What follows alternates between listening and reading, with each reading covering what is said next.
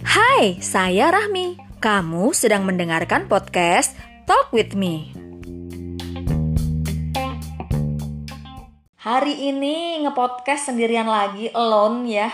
Nggak ada narasumber, nggak ada uh, teman ngobrol di studio. Cie, studio biasanya juga uh, ngobrolnya jarak jauh kok ya. Udah kedua kalinya berarti nih siaran sendirian yang dulu ngobrolin tentang Hari Blogger Nasional dan sekarang kita enaknya ngobrolin apa nih?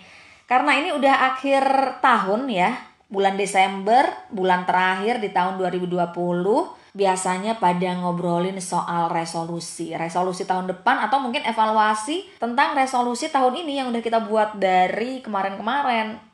Jadi kita mengikuti mengikuti sesuatu yang happening aja lah ya, nggak apa-apa ya, mainstream. Sekali-sekali jadi mainstream. Wah, emangnya biasanya gimana? Kita ngobrolin soal evaluasi resolusi tahun 2020. Ini banyak yang ngomong nih, katanya tahun 2020 resolusinya ambiar katanya karena pandemi virus corona. Apakah kamu juga termasuk yang seperti itu?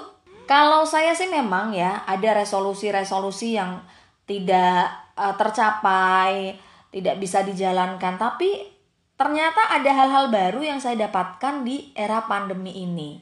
Jadi sesuatu yang tidak saya bayangkan sebelumnya gitu, tidak terbayangkan ya. Dan kemarin juga sebelum saya podcast soal ini saya udah ngajak ngobrol teman-teman saya yang ada di Instagram saya tanyain tentang resolusi 2020-nya gitu ya seperti apa terus hal-hal apa sih yang disyukuri di tahun 2020 ini meskipun ini adalah tahun yang berat bagi kita semua karena kayak nggak ada persiapan apa-apa gitu kan terus tiba-tiba semuanya itu berjalan beda dari tahun-tahun sebelumnya yang kita disuruh sekolah dari rumah lah ya.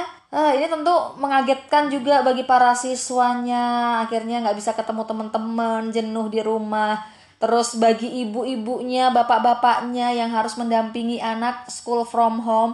Bagi guru juga tentunya yang harus beradaptasi dengan metode pembelajaran baru, yaitu memberi pendidikan untuk anak-anak didiknya dari rumah saya bacain aja deh ya pendapat dari teman-teman tentang hal-hal apa sih yang disyukuri di tahun 2020. Jadi meskipun cukup banyak problema hidup gitu ya di tahun 2020 ya, mungkin selain masalah kesehatan, ada masalah psikologis juga yang kemudian muncul, terus ada masalah perekonomian, tapi pastinya ada dong hal-hal yang bisa kita syukuri di tahun 2020 ini. Oke, dari IG Stories at rahmi.aziza ya. Saya bacakan reaksi teman-teman, pendapat teman-teman ya yang kemarin udah ikut berbagi cerita. Ada Mas Dipta. Halo Mas Dipta. Mas Dipta ini guru saya di bidang podcast. Mas Dipta ini bikin VO alias voice over bisnis rumahan, memberikan jasa voice over untuk UKM UKM ya untuk membantu promosi UKM UKM termasuk salah satunya UKM yang sedang saya pegang nih saya kan bantu-bantu adik ikut jualan oleh-oleh Semarang ya yang namanya Koki Karbitan nah dibuatin voice overnya sama Mas Dipta thank you banget ini katanya terus ada lagi Mbak Widianti Yuliandari teman blogger saya nih ketua dari ibu-ibu doyan nulis katanya uh, hal baik di tahun 2020 yang patut disyukuri itu sangat banyak. Salah satunya diizinkan melakukan banyak hal yang berdampak positif. Kemudian ada juga dari Novia. Alhamdulillah usahanya makin terlihat titik terangnya. Jadi eh, kakak Novia ini bersama suaminya punya usaha jasa pengiriman ya. Namanya Z Express. Ya, bisa dicari di Instagram Z Express ya. Mungkin kamu butuh jasa-jasa pengiriman. Ada Wuri katanya Wuri pertama kali sharing lewat Zoom atau Google Meet itu di tahun 2020 ya deg-degan takut sinyalnya ngedrop gitu terus ngocehnya online tapi ternyata seru. Nah kalau misalnya kemarin-kemarin kita mungkin agak-agak gaptek gitu ya. Belum mengenal Zoom meeting Google Meeting dan ternyata pandemi mengenalkan kita pada teknologi-teknologi itu. Nah, Wuri ini copywriter ya, kemarin sempat mengisi kelas copywriting di Ruang Aksara. Terus ada lagi Ira Sulistiana, katanya alhamdulillah masih bisa ngetrip ke Bajo persis sebelum pandemi pecah di Indonesia. Alhamdulillah ya. Katanya Ira lagi, alhamdulillah banyak pelajaran baru yang bisa dipetik dari pandemi ini. Mbak Kartini Mutiara katanya yang dulu nggak sempat nulis akhirnya bisa nulis dan punya anak dua. Waduh selamat untuk kelahiran anak alias bukunya ya Mbak Mutiara Kartini Mutiara. Mbak Ika Puspita katanya beberapa resolusi alhamdulillah tercapai, salah satunya bisa bisnis dari rumah. Oh, selamat Mbak Ika. Mbak Ika ini salah satu bisnis rumahannya adalah membuat masakan ya. Kayak apa kemarin tuh yang udah pernah saya cobain itu nugget, terus nasi paru pedas kalau nggak salah namanya ya. Nah itu kalau kamu yang di area Semarang butuh makanan ya lagi mager untuk masak bisa langsung kontak Mbak Ika at Ika Puspita underscore satu mudah-mudahan lancar ya Mbak ya bisnisnya ya nah itu beberapa pendapat dari teman-teman yang ternyata tahun 2020 ini meskipun berat ternyata banyak juga ya hal-hal yang bisa disyukuri ada hikmah dari di balik wabah yang sedang kita jalani sekarang ini kalau saya sendiri dulu di tahun 2020 ya tahun 2019 akhir gitu punya resolusi tahun ini saya pengen belajar public speaking.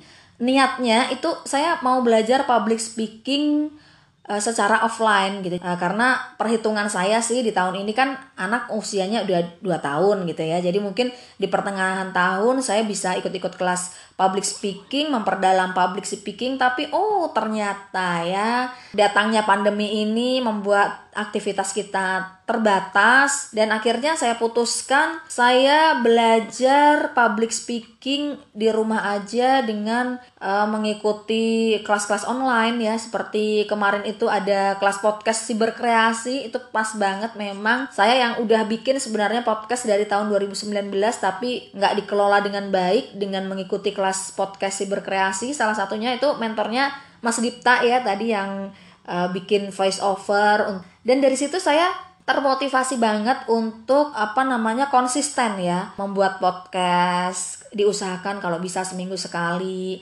terus ada komunitas juga komunitas podcaster Indonesia ya yang di situ ada Mas Dipta ada Om Rane ada Mr. Popo yang bikin semangat banget untuk terus membuat konten podcast karena ada event-event kayak misalnya review mingguan gitu. Jadi podcast kita bisa di-review di situ, dikasih masukan apa yang kurang. Uh, teman-teman podcaster mau gabung di podcaster Indonesia itu grupnya ada di Discord ya.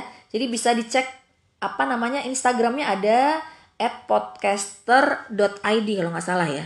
Atau mungkin bisa DM saya nanti ya di at rahmi Aziza. Selain itu juga saya sempat aktif tuh kemarin bikin uh, live Instagram ya, terus mewawancarai teman-teman tentang banyak hal sih tentang kepenulisan, terus tentang berkebun, tentang rumah tangga. Niat saya paling utama itu adalah belajar public speaking. Belajar public speaking sendiri ya, otodidak, belajarnya dari praktek gitu loh. Karena ada pepatah yang mengatakan practice make perfect ya kan? Jadi ya udahlah coba aja langsung aja terjun gitu. Uh, langsung aja ngobrol meskipun mungkin di awal-awal masih ada salah-salah. Mencoba tantangan baru bahkan saya coba untuk live Instagram dengan orang yang belum saya kenal sebelumnya gitu. Coba deh dengan orang baru dengan orang lain saya bisa nggak nih uh, mewawancarai mereka? Itu menurut saya sih sebuah pengalaman yang yang menarik sekali gitu ya Sebenarnya saya kalau dipikir-pikir itu agak amazed juga ya. Saya ini dulu sebenarnya mengklaim ya diri saya itu gaptek gitu. Jadi kalau hal-hal yang berbau teknologi, saya itu lebih suka menyerahkannya pada suami. Saya nggak bisa, saya gaptek. Selalu ngomongnya seperti itu. Bahkan dulu waktu SMP, untuk mata pelajaran komputer tuh saya dapat nol coba. Karena saking bingung banget kan dulu pelajaran komputer tuh kayak susah banget. Tau gak sih? Pindah drive aja susah banget. Jadi mau pindah ke dari drive A ke drive B misalnya gitu ya. Uh, ada ya drive A. Kayaknya kalau sekarang nggak ada drive A drive B ya. Darinya biasanya drive C gitu ya. Pokoknya pindah drive ya misalnya pindah drive D ke drive E. Itu tuh kan harus ada perintahnya perintah khusus ya. Kayaknya kalau nggak salah E titik dua enter gitu ya kalau nggak salah ya. Nah kalau sekarang kan simple banget pakai mouse aja diklik. Dulu zaman dulu belum ada mouse gitu jadi aduh harus menghafalkan itu kayak kayak menghafalkan rumus matematika atau enggak sih? Menghafalkan perintah-perintah ini itu ini itu. Dan itulah sampai akhirnya saya mendapatkan nilai nol. Itu selalu selalu panas dingin kalau mau masuk lab komputer selalu dredek gitu ya. Kalau orang Jawa bilang dredek deg-degan gitu. Kayak aduh komputer lagi. Nanti kalau salah pencet gimana? Nanti takutnya rusak. Itu sampai guru SMA saya bilang gini jangan takut salah pencet nggak bakalan rusak gitu loh Iya takutnya tuh kalau kayak yang di film-film kartun ya salah pencet pencetnya harusnya pencetnya huruf apa gitu kan. Terus tahunya pencet huruf yang lain terus meledak gitu ya. Ini fantasi banget ya. Nah saya tuh mulai bersahabat dengan teknologi itu ya semenjak um, menjadi blogger. Dulu waktu suami saya menyarankan saya jadi blog aja buat blog aja coba nulis-nulis di blog Nah mulai dari situ bersahabat lah sedikit demi sedikit bersahabat dengan teknologi. Mulai utak atik blog yang awalnya tuh nggak tahu kode-kode ini HTML ya. Jadi kayak ada uh, kepuasan tersendiri kalau berhasil utak-atik template blog dengan kode-kode HTML dan sekarang saya uh, sedang mendalami bidang podcast yang kayaknya menurut saya sih lebih masuk ke saya ya uh, podcast ini karena seperti yang saya pernah bilang sebelumnya waktu tema Hari Blogger Nasional nih saya bilang kalau misalnya saya ditanya kamu lebih suka nulis atau ngomong? Saya akan bilang saya lebih suka ngomong gitu. Jadi saya lebih bisa mengutarakan hal-hal yang ada dalam pikiran saya lewat omongan. Eh tapi kemarin saya sempat nanya-nanya juga nih sama teman-teman ya. Karena saya pernah mengalami masa-masa gaptek dalam kehidupan saya saya jadi penasaran juga nih sama teman-teman apakah pernah mengalami hal yang sama seperti saya? Jadi ceritanya nyari temen nih apakah ada teman-teman yang gaptek juga kayak saya gitu ya?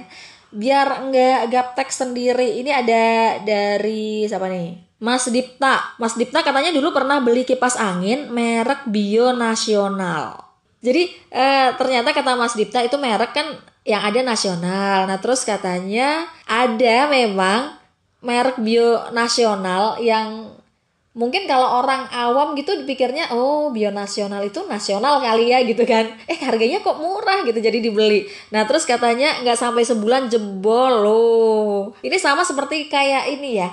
Jam itu kan ada yang mereknya Seiko gitu yang yang terkenal itu ya yang bagus. Terus ada orang yang jual mereknya Saika.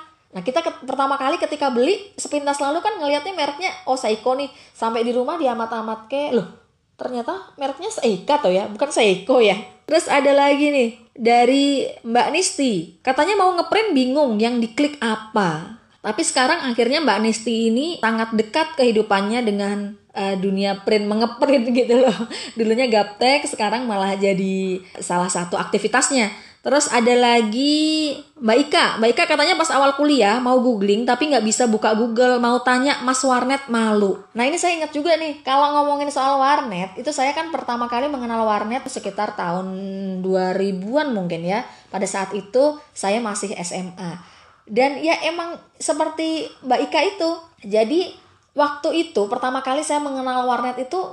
Saya pikir ya fungsinya buat chatting aja deh gitu ya random aja sih kira-kira mau kenalan sama yang mana terus dengan bahasa ASL please gitu kan. Itu sering banget. Jadi kalau ke warnet tuh rata-rata ya untuk ngechat ngechat nggak jelas gitu. Saya pikir-pikir sekarang itu saya tuh ngapain gitu ngechat sama orang-orang nggak jelas gitu kan. Setiap kali mau chatting itu pasti minta tolong sama masnya minta tolong dibukain. Oke udah dibukain ya nanti kalau mau nutup juga gitu bingung mau nutupnya gimana. Kalau nggak minta tolong sama saya ya udahlah tutup aja matiin langsung gitu loh. Nggak logout bahaya banget padahal kan ya. Itu ya ampun gaptek banget pada saat itu.